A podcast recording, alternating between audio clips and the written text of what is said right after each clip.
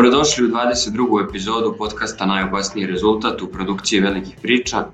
Ja sam Uroš Jovičić i bit ću vaš domaćin i u ovoj epizodi.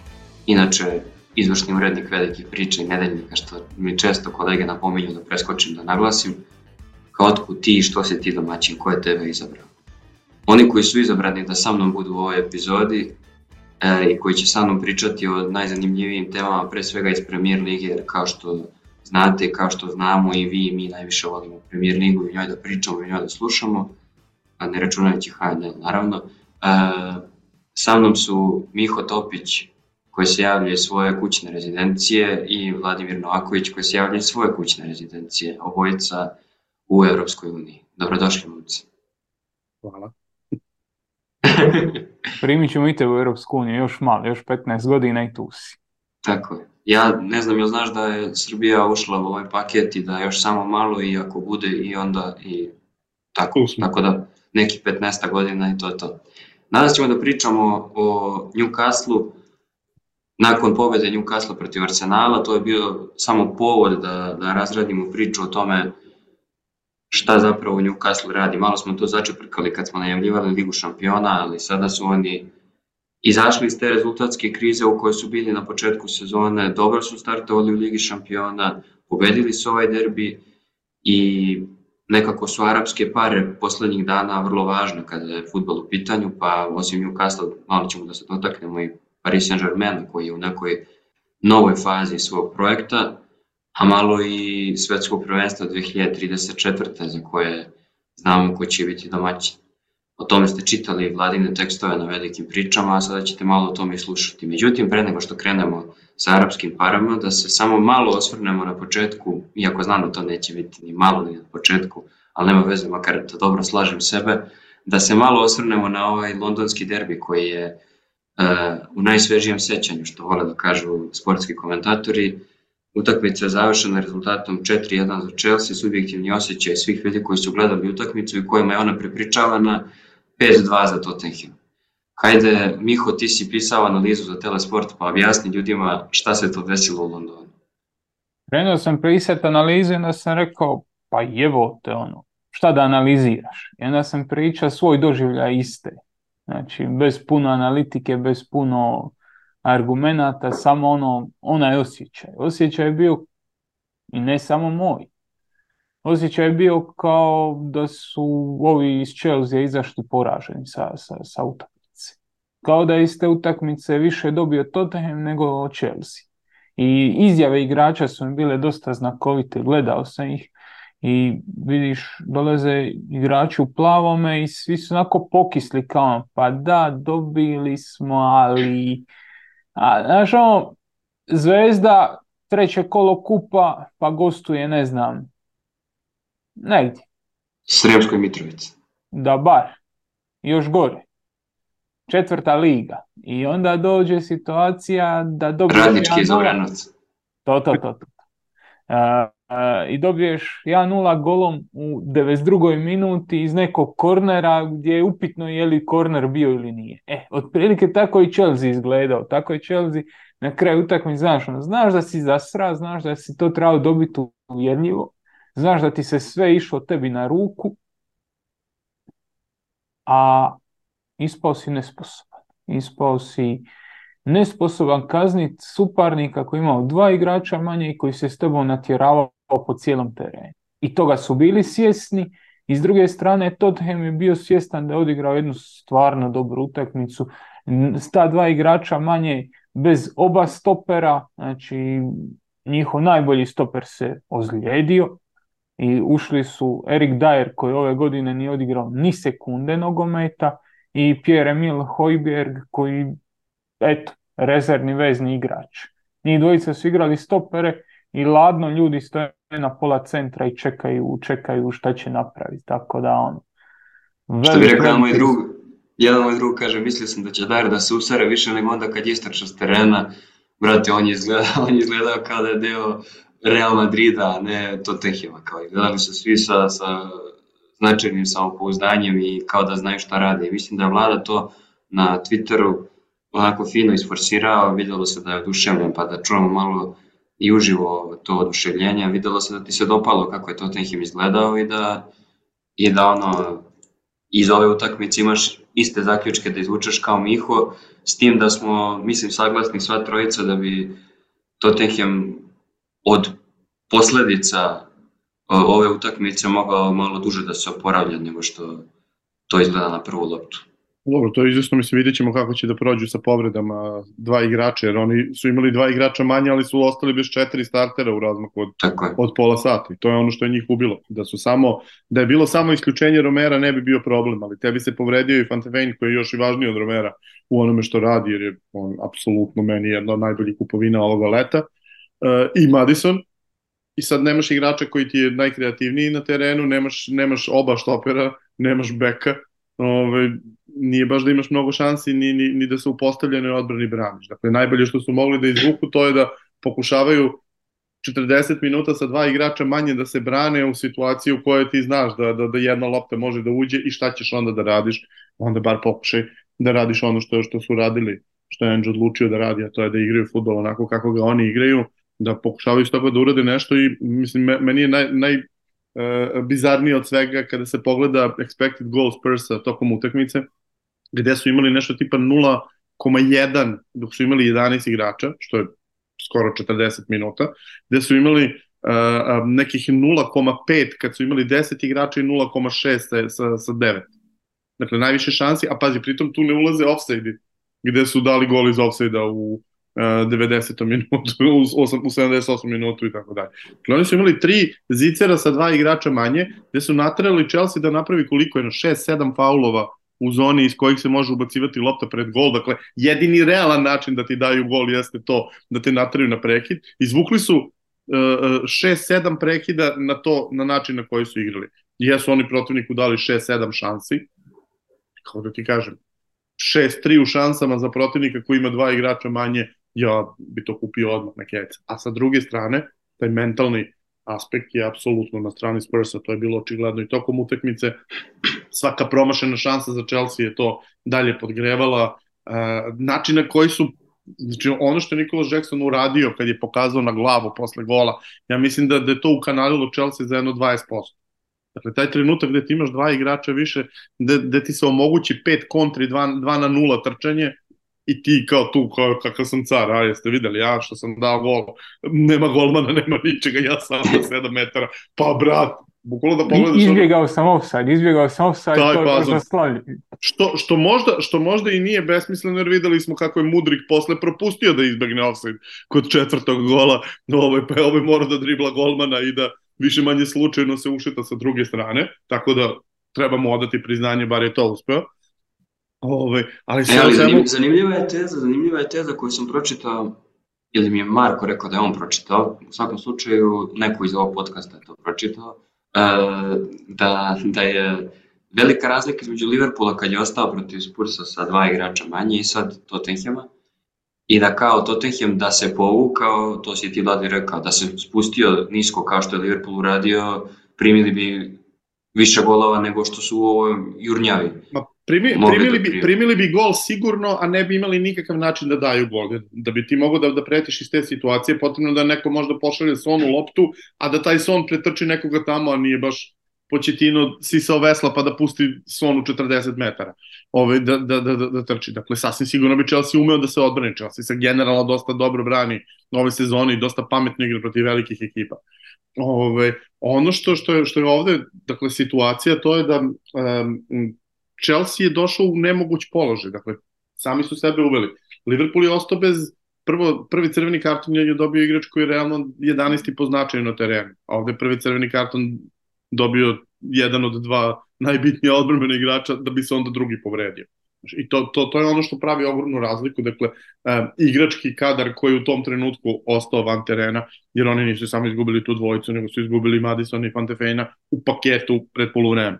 Ove, nešto, nešto je moralo da se radi. Chelsea bukvalno nije imao izbora u ovoj situaciji, osim da brzo reši utakmicu i da onda uh, stvari ovaj, uh, svede na, na mirnu završnicu. Dakle, da recimo negde sa, sa oko 70. minuta se već zna i to. Čim to nisu uspeli... Da, to je, to je Chelsea to nije u stanju i mnogo šta drugo nije u stanju, ali to ćemo da. tek videti i analizirati. Mi smo I o Tottenhamu i o Chelsea pričali. Ali će problem biti ono, ono drugo što si rekao, problem će biti dugoročno. Jer ako su ove dve povrede takve, a deluju da jesu, da, da, da na nekoliko nedelja ili više odstrane oba igrača, gde će Romero sigurno dobiti tri utakmice na igranja, ovaj, to, to je dugoročni problem za Spurs, jer sad to znači da nije samo jedan poraz, nego početak malo gore serije. Ali Pazi, treba, ali treba biti jedna... objektivan. Uh, uh, on, ova sami pali, sami se se ubili. Dakle, niko njih nije terao da prave onakve gluposti kakve su pravili u Dogi i Romero. A pritom nisu čak ni jednu glupost napravili, nego su jednu da kažem, dobili da, get da out of jail card. U, u, Dogi dobio crveni karton odmah kad je trebalo dobio u 18. minutu, ako bio 18, mislim, jeste. Da je možda ta dobio lepo crveni karton odmah, ko zna u šta bi se utakmica pre, pretvorila. Ovako su sudije kao što rade i već počinju da preteruju svaku meru i granicu, I opet kažem, ne pričamo o HNL-u i o srpskom prvenstvu, nego o Premier Ligi i oni i dalje prave gluposti na, na neverovatnom nivou. Nekako oni su usmerili u utakmicu u ovo ludilo koje je nastalo u revolveraški obračun i natrčavanje, ali moramo da, e, da skin, tu, moram, tu moram da te prekinem. I treneru, treneru Tottenhama za, za to kako to kako Tu moram da, da, da, da te prekinem jer sam dobio pitanja na tu temu. Zapravo, za razliku od mog generalnog stava prema sudijama, ovoga puta bih pohvalio šta se desilo na stadionu. Zašto? Imali smo dakle pet poništenih golova, imali smo dva crvena, imali smo dve ogromne povrede, imali smo um, jedan nedosuđeni crveni koji je bio čist, imali smo penal, uh, a ne mogu da kažem da je bilo nešto mnogo grešaka ni od sudija, ni od vara i da su se dosta dobro preklapali. Šta da, kako ovo, kako ovo jadno zvuči, ovo što si ti sad rekao. Ali to jeste činjenica, mislim, ono, sve jesu bili offside Ono, ova, ova dva crvena koje pokazuje jesu bili crveni. Nije pa što treba, da, da, da, slavimo što su odradili svoj posao. E, pa do, a, a, da, da ti kažem, uh, meni Michael Oliver je napravio jednu jedinu grešku na utakmici, a nju su ispravili uh, iz vara kada, kada nije poništio gol Chelsea kad je Rahim igrao rukom, jer je bilo direktno ispred njega i morao da vidi. Ovo sve ostalo nije bilo do njega. VAR je sve, sve pokazao kako treba, osim one jedne sitnice, a to je kad je Romero čoveka šutnuo sa zemlje, što glavni sudija nije mogao da vidi jer je akcija bila na drugoj strani. Ko znam, ali ja bi dao i u Dogi crveni karton za onaj prvi start. Ne možeš, znam možeš, ali, ali posle primjera sa, sa Havercom od, dva dana ranije gde je duplo gori start od toga pa znam, ali, ali, ali, ali, to poređe onda po tome, znači 20 crvenih kartona sinoć trebalo ako su ono crveni kartoni za Liverpool protiv Tottenham onda im isključiš pet igrača sinoć. Sve odbrano. Mislim, ako, na, ako su to, ako su to, mislim, malo, malo je sumano to što se pretvorilo da, to kad... Da podvučemo crtu, ovaj Liverpool je naj, najoštećeniji tim na svetu. Može. E. Nije, nije, Manchester je. Manchester je oštećen, ali mentalno. E sad da se prebacimo na, na kako se zove, na ovu utakmicu koja, ja mislim, i to sam teo da vas pitam, da mi odgovorite sa da ili sa ne. E, da li mislite da je ova utakmica Newcastle i Arsenala kvalitetnija od ove sinoć? Namerno vas to pitam na taj način. Hmm. Znači, da li je kvalitetnija? Ne zabavnija, nego kvalitetnija. Aj, Miho ti. Ne. Lado? Ja isto ne mislim da jeste, mislim da su jedni i drugi. Newcastle igrao vrlo prosečno, Arsenal ni toliko. Znaš zašto? Zato što mnogo ljudi je u fazonu, ma dobro, kao ovi su sinoć dali pet golova, bilo je 650 zanimljivih situacija, ali nije to to, pravi je derbi kad je jedan, znaš ono klasično on, balkansko objašnjenje, eto to, ne znaš ti u stvari, nego su ova dvojica majstori od trenera pa su oni to zatvorili, pa je to, zapravo ta utakmica jeste bila važna zbog toga što se odvijala između dve ekipe na vrhu tabele, ali nije, nisu oni, u mom mišljenju, ništa pokazali specijalno da bismo je okarakterisali kao, ne znam, derbi kole ili kako sam čitao, razna objašnjenje i razne epitete. Kako je tebi, Miho, na onako, vaši prvi utisci, što bi rekli, o Newcastle Arsenalu? To što kažeš, utakmica može biti zabavna i može biti dobra, ali nekad može biti i zabavna i dobra. I, uh, i dosadna i loša. I dosadna i loša, analogno tom. Sad ne bih rekao za ovu da je bila loša, ali je bila prosječna. Eto.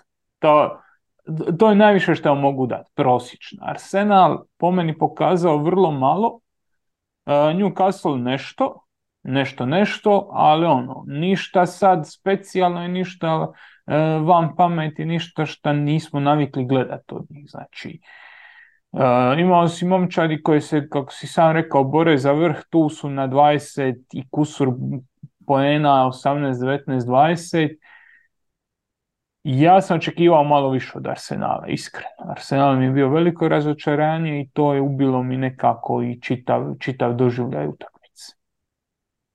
Da, Arsenal je dosta djelovao bezidejno. Jedna isto od omiljenih, e, od jedan od omiljenih izraza komentatora kod nas. Ja ne znam da li je djelovao bezidejno, ja mislim da je zapravo Arteta imao sigurnu ideju šta želi, ali da, da njegovi igrači nisu to uspjeli da sprovedu u delo i onda mi kaže Vlado šta misliš da je da je zapravo bila osnovna ideja Arsenala na ovoj utakmici, pa da onda Miho objasni šta je to što smo navikli da gledamo u Newcastle. Malo na taj način podelimo ovu utakmicu. Pa, ko se seća prethodne utakmice Newcastle i Arsenala, Newcastle je prvih 15 minuta gazio šanse, varovi, ludila i onda je Arsenal puf, jedan ovaj, napad prvi pretvorio u gol i od tog trenutka potpuno gospodario terenom. Verujem da Arteta verovao da će moći i ovoga puta tako nešto da uradi ni ovoga puta on nije radio ono što Arsenal generalno radi, a to je da pokušava da preuzima kontrolu nad utakmicom i da stvara prilike i da iz velikog broja prilika dolazi do golova. Ovaj, um, ono što je mene zapravo najviše iznenadilo što se nije odlučio na neki veći rizik na kraju utakmice, jer do 0-0 um, Arsenal nije delovao nikako ovaj, inferiorno. Zapravo, kad se pogleda sa strane, Arsenal je imao veći posjed lopte, Newcastle je se, se branio prilično duboko kako se inače brani, i ovaj, prepuštao protivniku loptu, pokušavao da ga kazni na, na, na prekide i sve je izgledalo onako kao normalan tok utakmice kako bi se očekivalo kad igraju te dve ekipe. Ono što je mene iznenadilo jeste što posle toga nikakvog pravog rizika nije bilo u Arsenalovoj igri. Oni su šutnuli dva puta sa distance od 60. minuta kad su primili gol do kraja i to je bilo sve. Dakle, dva šuta sa, sa 20 metara za, za, za više od pola sata jurenja rezultata u utakmici u kojoj ako pojeriš rezultat stići ćeš ga. To je to. 1-0 je imaš prostora da, da preokreneš i mislim da je to samo nastavak zapravo njihove cele sezone, jer Arsenal ove godine izgleda prilično uh, slabije nego kako izgledao u većem delu prošlog šampionata. Ove, uh, iako imaju bolji igrački kadar, čini se da, da, da tu mnoge stvari ne, klik, ne klikću kako treba. Uh, videli smo kako je Newcastle Saku praktično izbrisao sa, sa, sa terena, kako je Martinellija um, izgurao u velikoj meri na, na, na stranu. Mislim da generalno ovo oko, oko Sake uh, bilo mnogo, mnogo opasnije po Arsenal, jer ovaj, kada je on zdravi i kada je, kada je u stanju da igra, on je ipak uh, taj igrač koji, koji, koji pravi razliku. Naravno, opet problemi sa igračkim kadrom koje imaju, s obzirom na to da oni dalje imaju uh, tih 11 koji su stvarno super, a onda god da se ne pojavi na terenu od njih, upadnete u problem, je, je čini mi se ono što, što, što je u ovoj situaciji baš presudilo. U svakom slučaju, e, mislim da, da, da mnogo ima da, da, da se priča oko toga na koji način će oni sada da a, a, dobijaju utakmice protiv ekipa koje su sličnog kvaliteta, jer se liga pretvorila u, u, u takmičenje u kojem pola timova jeste negde na tom nivou kvaliteta.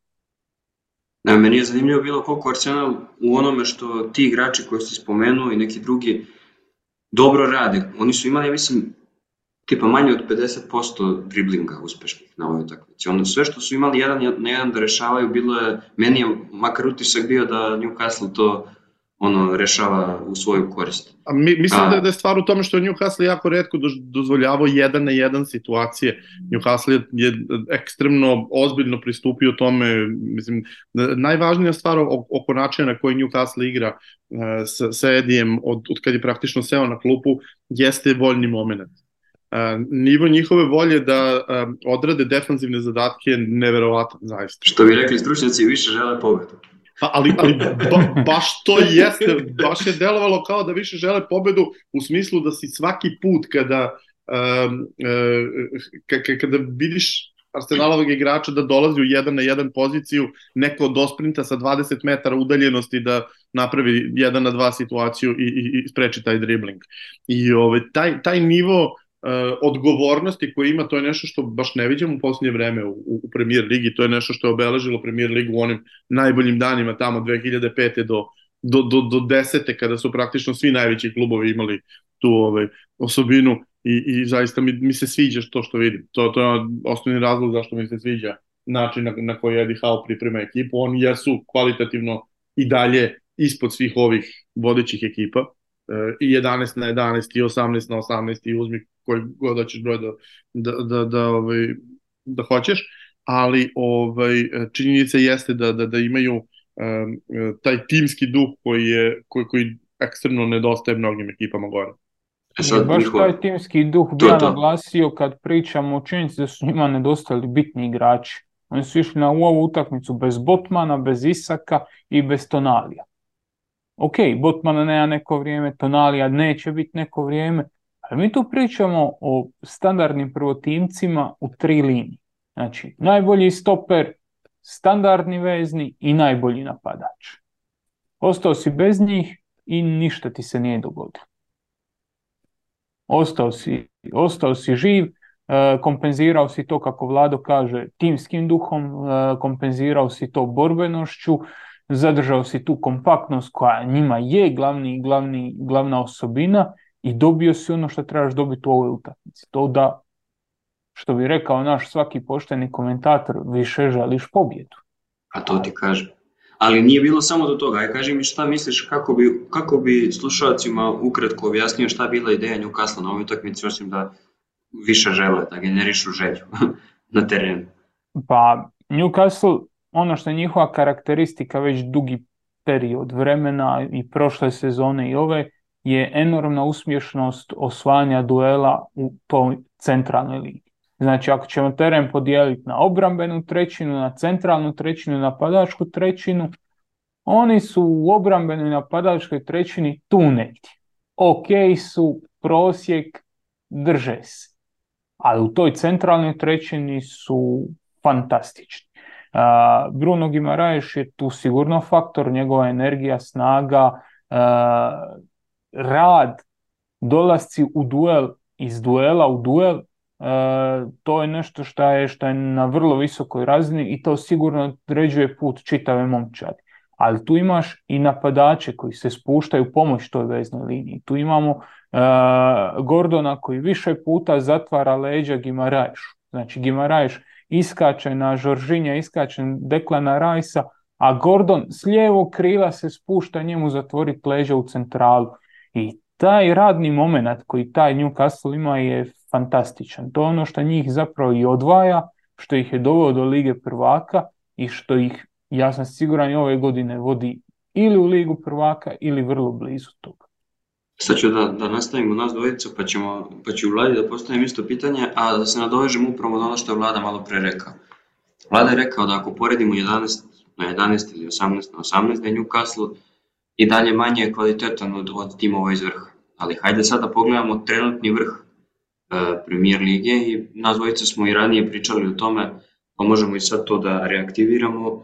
E, kada bismo uporedili ovaj Tottenham koji je sinoć pokazao srce, dušu, pamet i sve ostalo što je trebalo protiv Chelsea i ovaj Newcastle, kada bi trebalo da se kladim ko će da završi bolje plasiran ove sezone, ja bih se kladio na Newcastle.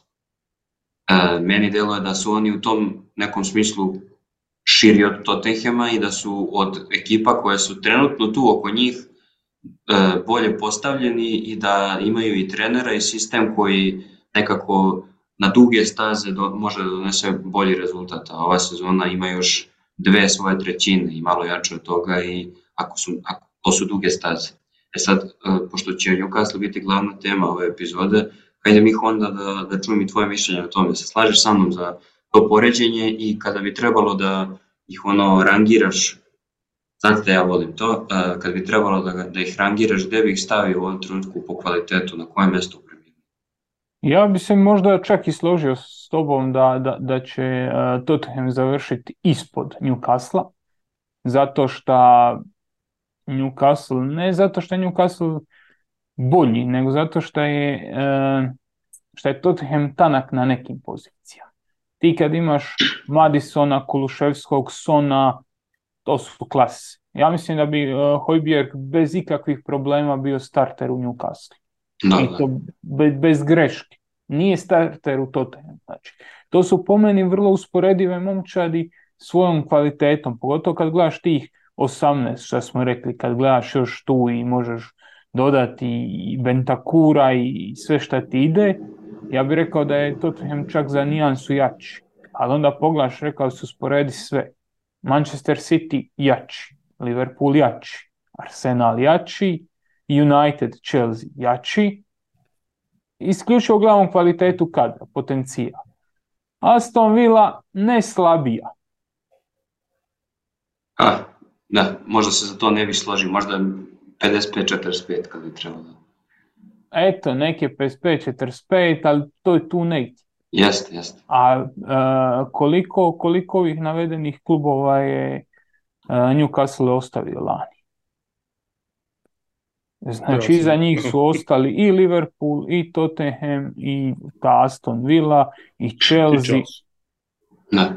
Tako da on, ovo što Eddie Howe radi donosi rezultate. Ovo što Eddie Howe radi je nešto dobro, teško salomljivo. Oni su prošle godine, uh, oni su prošle godine primili samo 33 gola u ligi, to je razina Manchester City-a, Arsenal je primio 43, United je primio 43, to je 10 golova više od njih, e, Liverpool je primio 47, to je plus 12, a da ne idemo do Tottenhama i Chelsea, oni su inkasirali svoj dio, tako da ja da, to... ta kompaktnost i taj natjecateljski aspekt koji, koji Tottenham, e, koji ovaj Newcastle. Newcastle ima da im nudi, nudi mogućnost da oni rješavaju te utakmice i da pobjeđuju u kontinuitetu. E sad, e, mislim da smo premalo kredita kad smo prvi put pričali o njima, a možete da se vratite na epizodu kada smo najavljivali Ligu šampiona, mislim da smo premalo kredita dali Ediju i da se generalno vrlo često o Newcastle priča iz različitih konteksta koji uključuje njega. Dakle, ili se priča o novcu koji je uložen i sistemu koji je napravljen, ili se priča o igračima, o tome koga dovode, koga će da dovedu, o, o pojedincima, o, o svemu i svačemu. Možda se najmanje priča o tome koliko on zapravo dobar posao radi. Kada, Vlado, kada bi trebalo da objasniš, znaš ono, kad, te, kad ranije ne znaš nešto iz geografije pa te pita, profesor kaže, Pa dobro čovječ, ako te neko nekad pita, naravno to te niko nikad neće pitati, ali evo ako tebe neko nekad pita šta Eddie Howe radi i da ukratko objasniš zašto to što on radi dobro, šta bi rekao? Pa, mislim, ne, nisam baš ni siguran da, da se preskače Eddie Howe mnogo, ako ništa drugo, mi ga nismo preskočili u tekstu koji ovi... Mi ga nismo preskočili u tekstu pričama. na velikim pričama, ali generalno se ali, kažem, premalo kredita da mu se daje. Da. Eddie Howe je čovek koji um, radi otprilike isto ono što što je sada Ench počeo da radi sa, sa ekipom um, uh, Spursa, a to je pokušava da, da napravi jedan tim koji će da prvo bude tim, pa tek onda kvalitetni pojedinci. I uh, čini mi se da složio bih se sa obojicom da mislim da je Newk u boljoj poziciji nego Spursi iz jednog prostog razloga, to je zato što su otišli dalje u svoje priči za Spurs ovo je koji treći mesec zajedničkog delovanja, a za Newcastle evo sada se približavamo dve pune godine od kada je Edi tu i nekoliko prelaznih rokova koji su prilagođavali igrački kadar. Ja mislim da je besmisleno pričati o Newcastle iz ugla trošenja para, jer oni po trošenju para nisu u vrhu lige, niti u jednom od ova četiri prelazna roka od kada su Saudici ovaj, stigli kad se pogleda izbir i kada se pogledaju pojedinačni prelazni rokovi, to stvarno nije nigde odskakalo na način na, na, na koji su drugi klubovi odskakali u tom periodu, pa čak uopšte ne bih Chelsea uzimao u obzir, jer to je stvarno ono van vremeno što, oni, što su oni radili, ali i ovi ostali. Tako da ne, ne vidim ja da je tu neka prevelika razlika u odnosu na ovih ostalih 6-7 koje smo pomenuli da, da spadaju vrh. Um, ono što, što je bilo neophodno u, u, u startu je, je bilo zategnuti odbranu jer je Newcastle imao problema sa, sa primenjem golova i zbog toga se nalazio tu gde se nalazio, to je u, u zoni ispadanja ili odmah pored zone ispadanja praktično godinu i po dana pre nego što je Hao stigao tu i on je na tome odradio fantastičan posao. Dakle, uspeo je da, da, da, da promeni stil igre na taj način da više ne primaju mnogo golova, uspeo je da promeni nekim igračima čak i pozicije, da ih dovede na, na mesta gde će da budu mnogo korisniji i, i mnogo um, bolji za ekipu, mislim da je tu Joe Ellington svakako najbolji primer, je čovek koji nije, nije mogao da daje golove sa pozicije strajkera pretvoren u jednog od boljih box to boxova u, u, u ligi, a onda sve dalje što su dovodili, dovodili su u funkciju onoga kako on želi da igra. I za, za sada je ono što što se meni čini to je da u potpunosti uspeva u tome. E, ono što što je problem Newcastle to je što ne može nije prišao kao City kada, kada su ga Arapi kupili pa su odmah krenuli da, daju ogromnu količinu novca za to vreme, već su mnogo umereniji i treba će neko duže vreme, plus su drugi klubovi takođe mnogo, mnogo, mnogo više porasli u, u međuvremenu. Ovaj, niko, niko nije krenuo siloznom putanjom kao United i Liverpool u to vreme kada se City pojavio, ovaj, a ovde mi zapravo imamo nekoliko dugoročnih projekata koji su onako u velikom zamahu, kakav je Arsenal, kakav je Vilim, a već postoji City na tom nivou i Liverpool na tom nivou. Ja ću te tu samo prekinuti samo s jednom stvari. Šta misliš koliko je tome svemu kumovao financijski fair play i koliko je tome svemu kumovala činjenica da se Saudice ipak dočekalo puno više na nož nego... nego... Tako je, to sam te da pitam. Da. Mislim, mislim da je ovo poslednje zapravo ključno. Financijski fair play već smo videli, ima mnogo načina da se na neki način nešto prevari, mogli su da, da zatvore to jednostavno tako što bi trojicu igrača koji vrede po 10 miliona prodali za po 50 miliona u Saudijsku Arabiju, pogotovo sada kada je, su de facto isti vlasnici, jeli, četiri najvećih kluba u zemlji. E, oni to uopšte nisu radili, ove, zapravo su to radili sa nekim drugim klubovima ove, i, i, i taj deo, taj uh, tehnički, finansijski, zapravo e, pravni aspekt su, su ovaj, bi, bi, e, predstavljaju mnogo manji problem. Međutim, ovaj drugi e, psihološki aspekt bi zaista bio veliki problem. Situacija u kojoj bi Saudici došli i kupovali skupe igrače bi svakako bila oz, oz, ozbiljna nevolja, jer sasvim sigurno bi u, iz medija ne bi izlazila ta priča.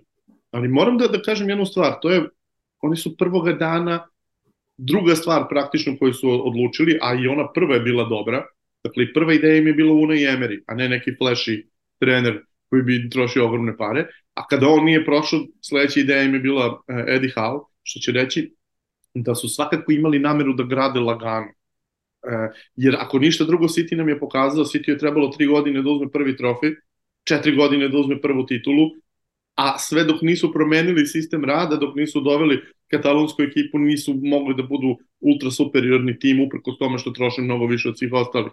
Dakle, tek kada su smislili kako će da rade, je to stvarno počelo da, da, da, da liči na ovo, na što sada liči. Uh, Newcastle je očigledno naučio, to je Sauditi su naučili te lekcije, dali su, doveli su ljude koji kapiraju futbol i ove, ovaj, rešili su da, da, da odmah grade od, od nule. Rekoh, nije ista situacija, jer tada najmoćniji timovi u tom trenutku, dakle United, eh, Chelsea i Liverpool, svi su krenuli silaznom putanjom baš u tom trenutku kad se City pojavio, dakle imalo je smisla upasti na, na, na, na teren i napasti sve. Kremlin i Spursi su i bez tih para uspeli to isto ove, ovaj, u, u, u određenoj meri, ali eh, sada imamo situaciju gde stvarno je mnogo teže otići gore i mislim da, da je zbog toga još više kredita potrebno dati Ediju E, što ih je uveo iz prve godine praktično u top 4 i što je sada de facto u poziciji da, da je blagi favorit za top 4. Mislim da će biti super zabavna borba sa Villom i Spursima, jer mislim da će ova tri iz, iz, iznad njih ostati iznad njih, ali ovaj, svakako to što što je tu da, da može da se bori, jer nemojmo zaboraviti na početku sezone opet bilo priča, ok, bili su četvrti, ali se nisu dovoljno pojačali da bi se moglo očekivati da mogu da e, ponovo budu četvrti, izgleda da mogu. Pa i mi smo pričali o tome, mi smo upravo u tom podcastu kad smo najavljivali Ligu šampiona rekli da da su prošle godine prebacili očekivanje i da ove sezone bi mogli da imaju dosta problema i jedan od povoda za snimanje upravo ove teme je to što su ekipu koja je trenutno iznad njih i velike su šanse da će ostati iznad njih do kraja sezone pobedili u ovoj utakmici, što oni to iz, iz uh, vikenda u vikend, iz uh, o, evropskog termina u evropski termin sad već pokazuju uh, da su zreli koliko god mi bili skeptični prema tome. I ono što je, pazi, ono što je, pazi, ono što ti rekao, ja sam, ono u glavi mi je ostala ta reč da su krenuli mnogo uh, sporije i pažljivije u ceo proces i mislim da je to jako, to možda zapravo glavnije pitati i najvažnija stvar, da to što su krenuli sporije ne znači da nužno da će i rezultati biti doći kasnije, nego da to znači da će možda kvalitetnije neki drugih arapskih i ostalih to uh, radikalnih projekata, kako se zove, da će ranije napraviti sistem koji žele. Da, mislim ti... Apsolutno. I ovo da. što je Vlado spomenuo već, kad je City procitao, kad je City došao na neku, na neku razinu, kad su doveli Sorijana i Čikija. Tako Njih dvojica su sagradila projekt. Newcastle je doveo Dana Ashworta koji je vjerojatno najveći organizacijski genij u Engleskoj. On je zaslužan za ovaj redizajn engleske reprezentacije, za onaj njihov English DNA program koji je doveo do toga da ti institucionalno proizvodiš talentirane, brze, vješte igrače, tehnički potkovane, to je njegova organizacija. On je se već dokazao i, na drugim projektima i mislim da je, da je on ona ključna, ključna karika u svemu tome.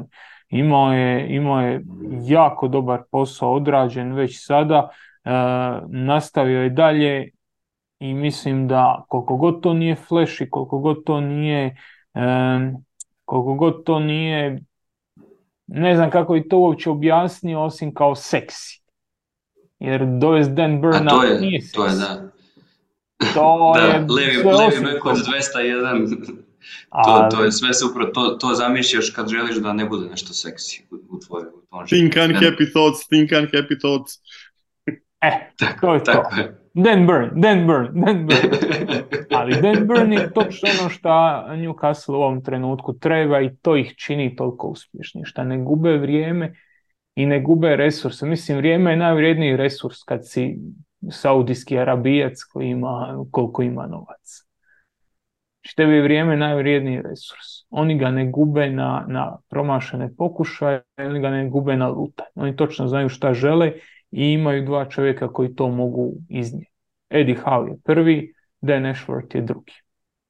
Da, i, i upravo zato Ne nužno tim redom. E da, i, i to je ne važno. Ne nužno tim redom. A, ali sam zato i pitao da li to što rade stvari postupno e, pravi razliku, jer pazi, City je imao tu mogućnost, ovo što je Miho rekao, tada ih niko ništa manje više nije ni pitao odakle su i odakle im te pari, da li su prljavi ili nisu. Drugo, oni su imali neograničenu ono, ne, imaju i ovaj neograničen budžet, ali ih različiti faktori, što socijalni, politički, ekonomski, futbalski, sputavaju da sve to surduknu na isto mesto, a i ono, očigledno su racionalniji, ali namerno ovo sve pričam zbog toga što želim da povučemo paralelu između njih i, i Paris Saint-Germain. Oni su u istoj grupi u Ligi šampiona i e, spojila ih je i sudbina i UEFA i, i u tome i u raznim drugim stvarima. Jel? Ali sad je PSG ušao u jednu drugu fazu e, svo, razvoja svog projekta, a sve te godine i svo to vreme za koje Miho rekao da je, da je najskuplji resurs, jer nije važno da li si iz Saudijske Arabije ili iz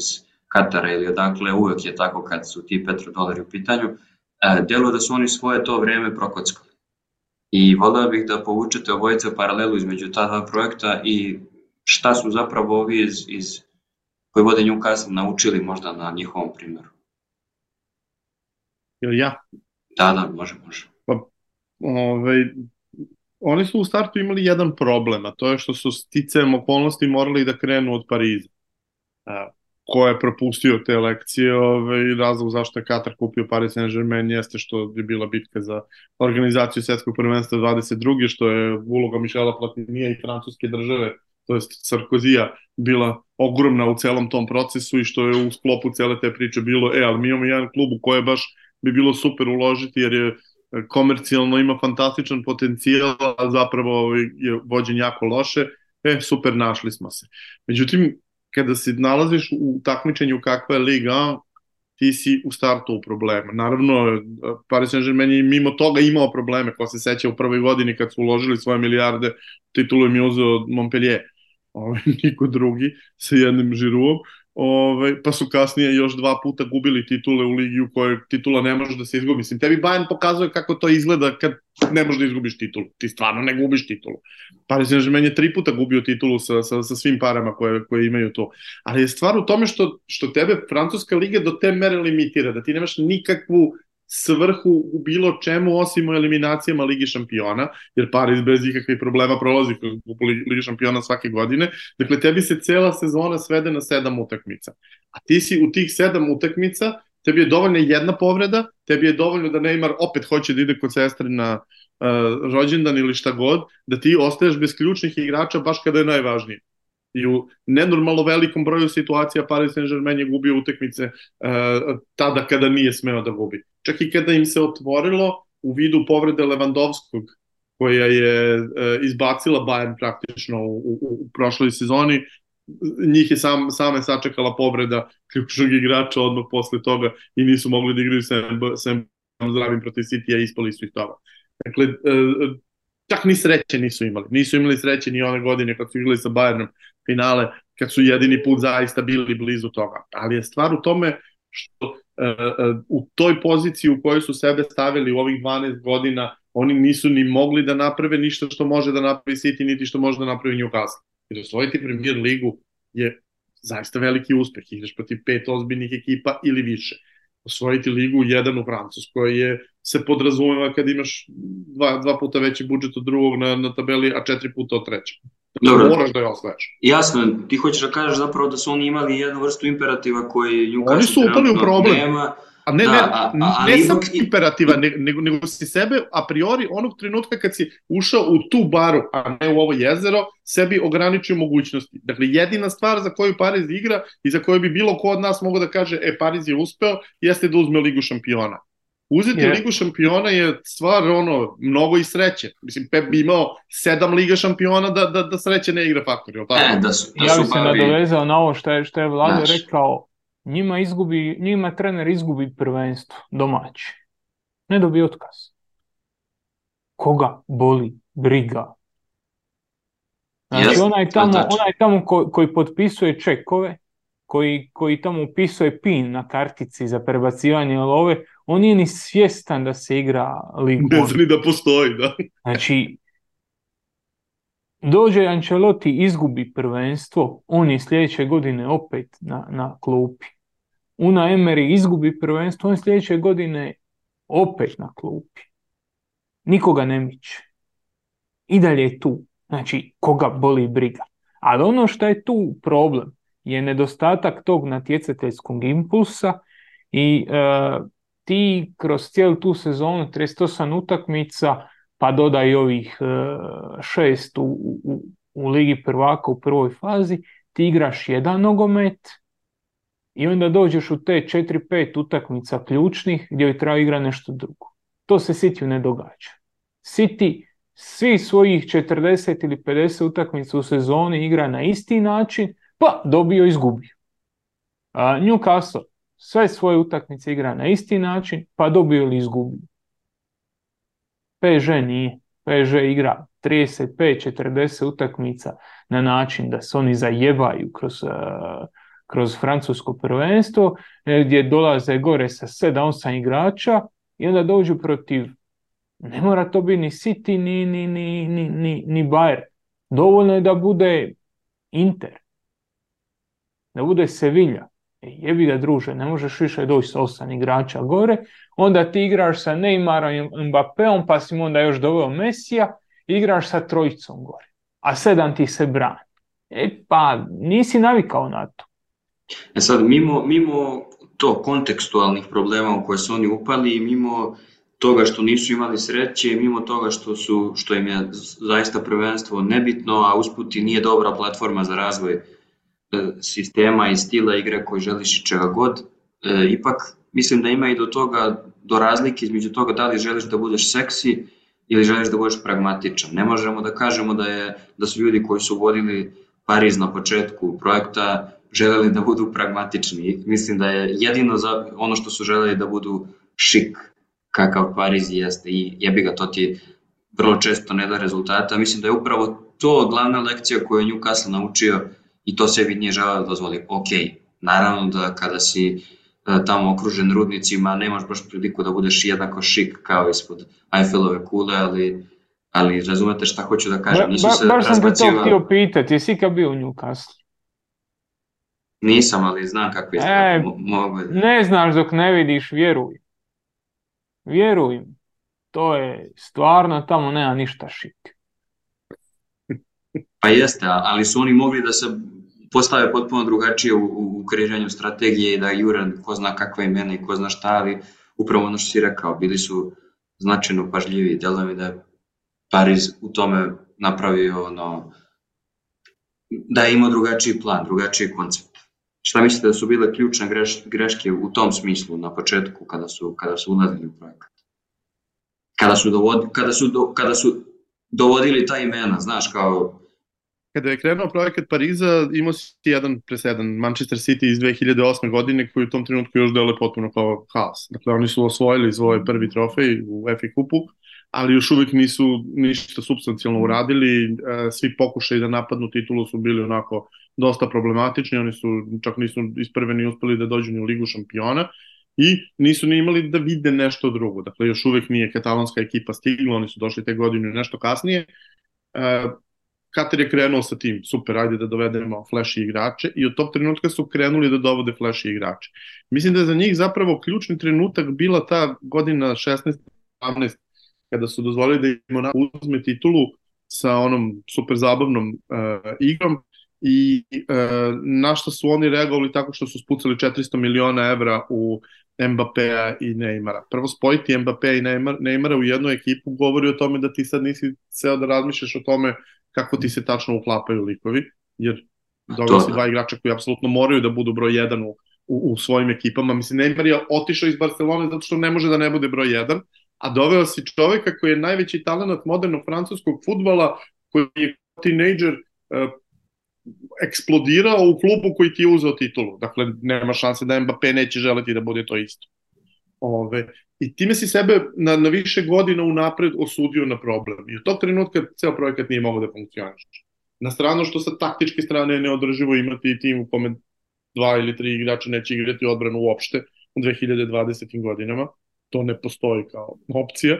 Ove, ako ništa drugo možemo na primjer Uniteda da izvučavamo. I onda dolaziš do situacije da a, a, za, zapravo dovodiš igrače samo zato što su popularni, samo zato što hoćeš da dalje podižeš brend i nadaš se da ćeš ostvariti nešto na terenu. Mi zapravo moramo da jednoga dana saznamo kada neko bude, bude uradio stvarno ovaj, intervju sa ljudima koji vode katarski projekat u Parizu, šta su zapravo oni hteli. Da li je za njih ovo što, što je Paris Saint-Germain uradio do sada sasvim dovoljno za ono što žele, a to je uh, deo novca su, su uložili u nešto što nije nafta, što je, mislim, primarni razlog zašto uopšte sve te uh, petromonarhije ulaze u čitavu priču. Drugo, podigli su awareness prema sebi ekstremno, uh, paralelno su, su vodili... Neka moć. Tako je. Paralelno su, su vodili priču o svetskom prvenstvu koje se igra 22. Čak je bilo priče kako je prošlo svetsko prvenstvo 22. da se za njih futbolski projekat manje više završio I kao što sad više nemaju ništa, sad sigurno neće imati sledeću akciju u sledećih 30-40 godina, jer Saudijska Arabija je 34. znači neće biti do tamo 4-6. novo azijsko prvenstvo. Ove, prema tome, veliko je pitanje da li zapravo mi iz dobrog ugla gledamo celu stvar. Oni su osvojili praktično dvocifren broj titula za to vreme. Dobro, ali siguran sam da, kada se, da ne moramo da budemo uključeni direktno ono, na izbor da bismo mogli da zaključimo da su nezadovoljni time što nisu osvojili nijednu ligu šampiona.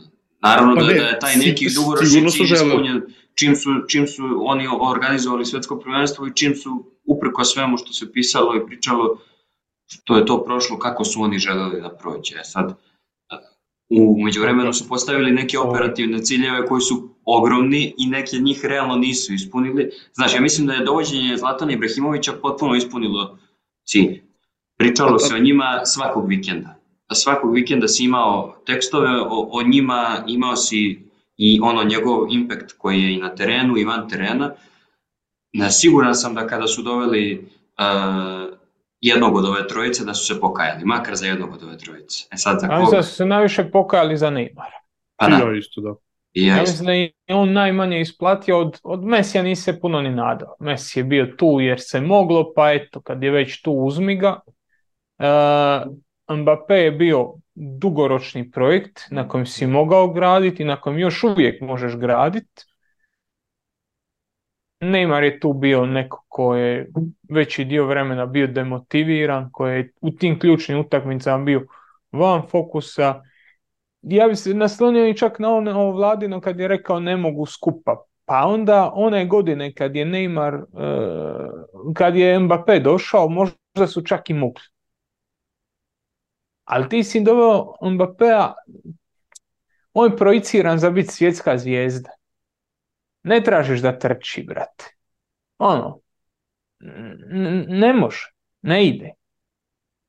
Ti si doveo njega i samim time si narušio to, ne, taktički najmanje, možda se mogao naći model da njih dvojica funkcioniraju. Na kraju krajeva i, i, i, i Tuhel kad je bio i nalazio neke modele kako će funkcionirati. Sakri, sakri Neymara u sredinu, Mbappéa široko, malo ih razdvoji, daj dosta toga u tom centralnom dijelu Neymaru, pa onda u završnici će ti se pokazati Mbappé i spojit ćeš ih.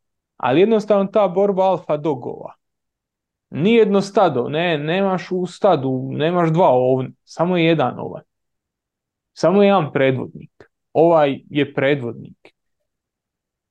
Nisu tu isplanirali, nisu tu našli model kako će i mislim da ovo što kažeš sa, sa, sa Zlatanom su jasno dobili ono što su tražili i sa Mbappeom nisu dobili ništa plus potrošili su 4, 5, 6 godina bez ikakve veze.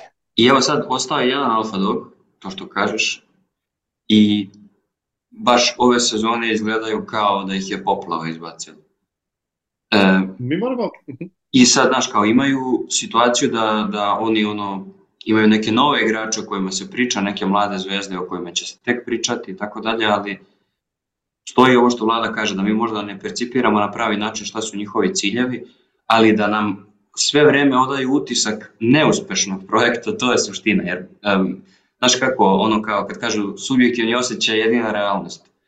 To što šta je njihova realnost tamo, to nas koji ovde u Evropi gledamo futbal prethodnih 25, 30 ili 45 godina puno ne tangira. Kao što nemam ništa od toga da li je Neymar zaposlen kao ono zaposlenik njihovog ministarstva turizma ili se njegovi papiri vode na PSG, ono što mene zanima, mene zanima to na terenu.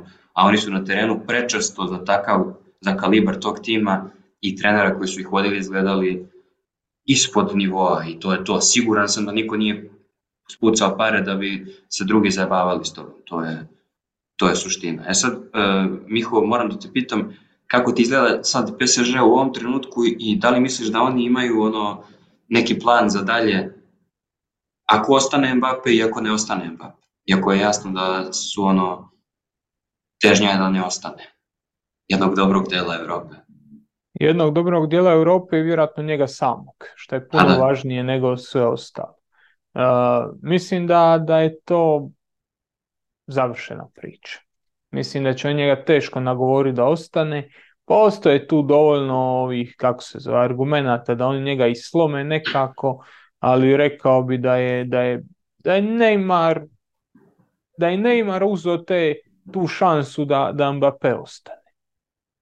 Da, da je s njim ta šansa otišla uh, jer potrošio je neke godine, stekao je neke frustracije, vidio je kako to izgleda u realu gdje ti Real pritom nije Manchester City pa tamo neki glupi čelovac tebi određuje kad možeš driblat. Ti u Realu možeš driblat kad te god volja, možeš raditi god volja i svejedno biti uspješan. I on je to vidio i zašto kažem da je, da je Neymar ukrao, nije Neymar kriv, ali potrošio si te neke 3-4 godine, stekao si neke frustracije i vjerujem da on želi sad i promijeniti sredinu i otići u, u, u nešto uređeniji sustav od PSG-a. E sad, kako im PSG izgleda? PSG izgleda kao work in progress. Oni su sad doveli uh, Luisa Enriquea, čovjeka koji se zna snalaziti u ovakvim situacijama, kojem ne treba ono što treba Pepu Guardioli da stvori igru, ok, njegova igra neće biti toliko napredna i neće biti toliko bulletproof, ali će on napraviti nešto. I on sad ima, je, ovo sve što si rekao stoji, oni stvarno izgledaju ko da su ono zbrda s dola skupljeni, ali to si očekuje. Oni su, ova ekipa je zajedno dva i po mjeseca. Daj neko vrijeme da se oni sastave, pa ćemo onda vidjeti tamo kroz drugi, treći mjesec na što će to ličiti sa Vitinjom, sa Ugarteom, sa Kolom sa svima koji su doveli, koji imaju neke logike da budu tu. Naš zajednički prijatelj koga smo samo onako spomenuli iz Senke u jednoj epizodi obožava Vitinju i veruje u uspeh tog projekta, tako da ko smo mi da mu, ko smo mi da mu sudimo. Sad ja ću da vam postavim dva pitanja. e, i da tako polako završamo ovu epizodu, privodimo kraju i da se nadamo da će slušalci slušati paralelno sa ovim utakmicama Lige šampiona koji se igraju večeras i u sredu. Jedno iz domena fantazija, a povezuje opet Newcastle i PSG. Ko bi bio, koje bi ime bilo ono šik ime za Newcastle, a da zaista bude funkcionalno u tom njihovom sistemu. Da, pričamo, znači, ne pričamo o uh, igračima koje mi volimo i koje bismo mi doveli na fantaziju, nego pričamo o igračima koji su ispunjavaju svrhu i na terenu i van terena, a da zaista mogu da budu funkcionalni deo ove momčadi. Ajde, Vlado, ti prvi, probaj s nekim imenom. A šta su nam ove ograničenja? Nemamo ograničenja. Evo, Mislim, šta. mogu da dovedem i City igrača, to. Možeš. Jer ja nisam, jer ja, jer ja nisam uopšte siguran da ne možeš. I možda ne možeš, možda ne možeš ove zime i narednog leta. Pa ne možeš, ja, ja, ja mislim da Newcastle ne može da dovede igrača iz top 10 klubova, osim ako Real recimo ne želi da im ode neki igrač, pa ok. Kao Ali hajde da kažemo, koga bi mogli da dovedu od velikih imena, a da zaista bude funkcionalan u ovoj ekipi? Može i Miho ako, ako vlada. Ajde neka krene Miho ako ima ideju. Nisam shvatio, jesi ti pitao koga može ili koga bi mi htjeli? Ne, ko bi, ko bi bio, znači, da sede sad tamo, o, pozove princ jedna, jedna večer kaže, vidi legendo, super vi ovo radite, ali meni treba jedno ime ono da šljašti, ali mora da bude da se uklopi u Edijev sistem. Nemoj da mu dovedeš neko ko će da mu napravi sranje kao što je napravio PSG, a da bude veliko ime koje šljašti. Ko bi to bio? I šta onda uradi? Zanimljivo. Bernardo Silva mislim da je bio taj. A... Ja, ja mislim da je problem sa Bernardom što ne šljašti dovoljno, a trebalo bi da šljašti. Mislim, on je previše dobar igrač, a previše nije zvezda. Stoji to, da. A ništa onda Neymara dovedi, pa... Prvi onda dovedeš Mbappé-a. On, on je mladi i ima da igra. Ove, da. I nije problematičan, šta hoćeš. Eto, Mbappé i dobar. Eto, neka sad, bude, neka bude sad, Mbappé. kako ćeš uzeti Mbappé-a glavnim, kako se to kaže, geopolitičkim rivalima, to je druga stvar. Jer ono, ne treba se zanemariti u koliko su lošim odnosima države Katar i država Saudijska Arabija. Tim pre, tim pre. Možda je to pravi potez da, da im oduzmeš takav štih iz rukava. Da, da, da dođe kod mame i da kaže, vidi mama. Pa bi taj avion, bojim se nekako. da, kao ovaj komandant Wagnera što je imao kvar. Ne, ne, ne. Sijala mu, sijala mu lampica tri meseca, ali nije provjeravao. E, ne, e sad... ne znam, jeste pratili hrvatske medije, kod nas je se pojavila neka afera sa valjda nekom otrovanom vodom, pa je neko završio na ovaj, kako se zove, na hitno i tako to. Pa mislim da bi ovaj, mislim da bi se to moglo dogoditi e, Mbappé u tom slučaju, da bi se, pop, da bi se napio otrovane mineralne. Evo ovako, Vlada i Miho obećavaju jedno ime koje ćemo objaviti na, na Instagram stranici najopasnijeg rezultata kad budu imali malo više vremena da razmisle ko je dovoljno šik i dovoljno funkcionalan. A drugo pitanje koje sam vam spremio za kraj je upravo ono što je Vlada rekao kada je govorio o dugoročnim ciljevima PSG-a, šta ako su ih oni ispunili. Možemo da kažemo da Newcastle definitivno već u startu ima drugačije ciljeve jer po toj logici oni su već ispunili cilj. Ako je, ako je cilj, ako povučemo analogiju sa ako povučemo analogiju sa, sa sa PSG-om i sa Katarom, ovi su već dobili svetsko prvenstvo, što znači ne moraju više da se trude. Ja mislim da je to potpuno drugačiji koncept, ali volio bih da mi to kažete, iz, da, da to čujem iz vaših usta, Vlado. Ne, ovaj, e, Katar je dobio svetsko prvenstvo pre nego što je kupio Saint-Germain, tako da to što će dobiti organizaciju ne znači ništa. Dakle, ako, ako analogiju vučemo, znači da će Newcastle trajati još 11 godina. Ove, ne, uh, Newcastle cilj je da uzme titulu. Newcastle cilj je da bude ovaj, na svim mogućim e, naslovnicama. Newcastle cilj je da u svakom trenutku svi mogu da primete da oni igraju ovaj, Da, a kako se zove, upravo zato sam i pitao da li je, da li je, ne, ne možemo da kažemo da je već dobijanje prvenstva ispunjenje cilja, ali delo da je od početka malo drugačije postavljen koncept, da su oni rezultatski e, više usmereni na, na da, da manje brinu o mekoj moći, hajde to tako da kažemo. Možda je, ne znam Miho, jel se slažeš, možda i pozicija njihova drugačija, već je dovoljno klubova prošlo kroz sličan proces i već su imali iz arapskog sveta upliv u nekoliko klubova, pa ovo sa Newcastle nije toliko strašno kao što je on delovalo na prvu loptu. Znaš šta je tu još jedan faktor? Šta je šta je sama pozicija tog prvog financijera drugačija. Financijer, financijer Newcastle je zainteresiran za nogomet kod takav. On želi, on njegov prvi i osnovni interes je da Saudijska Arabija postane nova prijestolnica sporta. E, on, kad je on kad je pričao o, o tom svjetskom prvenstvu, on je baš jako ciljao na svjetsko prvenstvo 2030. Zašto? Jer je to simbolika. Europljani su vladali 100 godina, sad je 100 naših godina.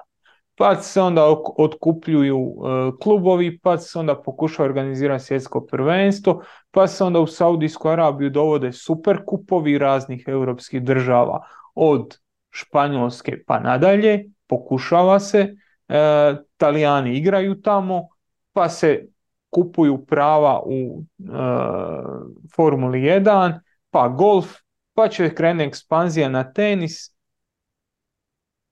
Ja sam uvjeren, ovo što je Vlado rekao, Katar je imao fiksaciju na Katar 2022. Ovi imaju fiksaciju na prijestolnica sporta idućih 100 godina. Upravo to sam te da, da čujem, da. Na to sam ciljao kad sam rekao da povučemo paralelu, zato što nekako je PSG od početka delovao kao da se ograničava na to jedno prvenstvo, da se ograničava na taj jedan cilj i da je sve nakon toga, i sam je vlada rekao da je sve nakon toga kraj projekta, ono, otprilike izlazna strategija. E, za ove deluje kao da su im ambicije značajno šire i sistematičnije. Ja se uvijek vraćam na, na ego strašan ego tih ljudi, mislim strašan ego svakakvih ljudi i naš je strašan, ali to što mi nemamo toliko para, to je naš problem, isključivo naš. I sreća drugih ljudi. Bili bi mi Igori da, da, da, da se može, ali eto ne može se.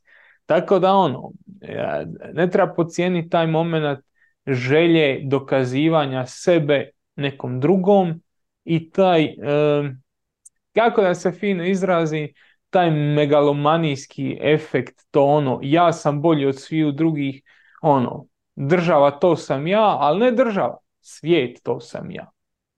Šta realno čovjek koji skomada novinara u, u Istanbulskoj ambasadi i onda se iza toga pravi lud, pa ipak malo ima.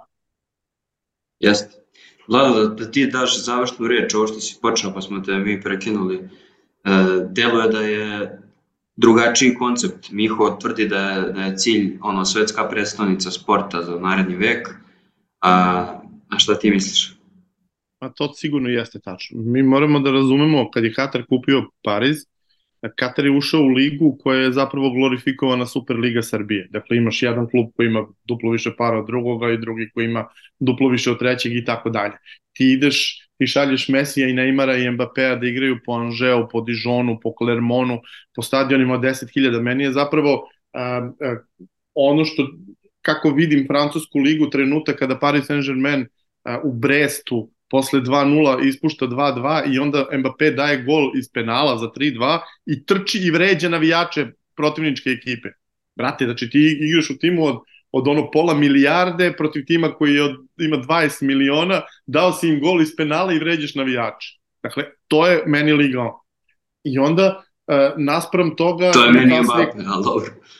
Newcastle je krenuo u, u ligu u kojoj ti znaš da imaš protiv sebe nekoliko super projekata, potencijalno još nekoliko super projekata, jer ko zna ko će da pokupuje United i Liverpool u, u, u sledećim godinama, i ti ideš u, u, u tuču. Ja ne mislim da je Newcastle poslednji klub koji će Saudici kupiti u Premier League. Mislim da će oni naći način da ne samo da ulože u Chelsea, nego da ulože u još dva, pa da kupe još jedan, pa da bude brat protiv brata, pa da bude što šta fali, imamo četiri svoja kluba, igraju jedni protiv drugih.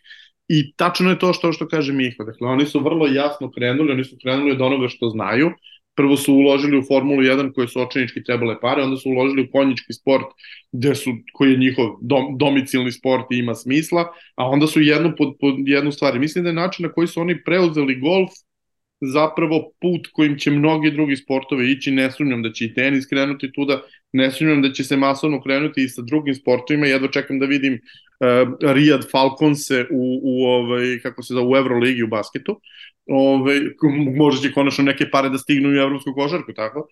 Ove, I mislim da, da, da, da s te strane jako... Da ih je tu Dubaj, pred, izgleda da ih je Dubaj tu preduhitrio, ali... Dubaj, Dubaj ali je svuda preduhitrio zbog toga što Dubaj mora da ih preduhitri. Dubaj ima otprilike 1% njihovog bogatstva. Mora prije, znaju... ne može više, tako je. To su early, early adopters da bi mogli nekako da dođu do nečega da mogu da se takmiče.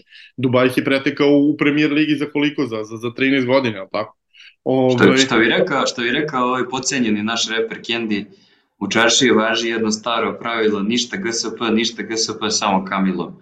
Tako da, to, to je u pesmi Arabske pare, to je kako se zove opis cijele ove epizode. Meni je žao što, što ne možemo da pričamo o ovoj temi 10 sati, zato što mislim da bi bilo mnogo zanimljivih stvari na koje ljudi dok ne uđu malo dublje u temu i istraživanje šta su politički, vojno, ekonomski, svi ti klubovi morali da rade i ti ljudi da bi preuzeli te klubove, samo da ne pričamo o tome kako se promenila francuska avijacija zbog toga što je Katar odlučio da kupi e, PSG, odnosno napravljen taj dogovor, eto to je samo jedan od, od milion primera kako ovi klubovi utiču mnogo šire na društvo u kome funkcionišu i kako ti ljudi koji su ih kupili utiču na političke prilike u tim zemljama. E sad, ja, ja se nadam da ćemo imati priliku da o tome pričamo i da se o tome još dosta piše.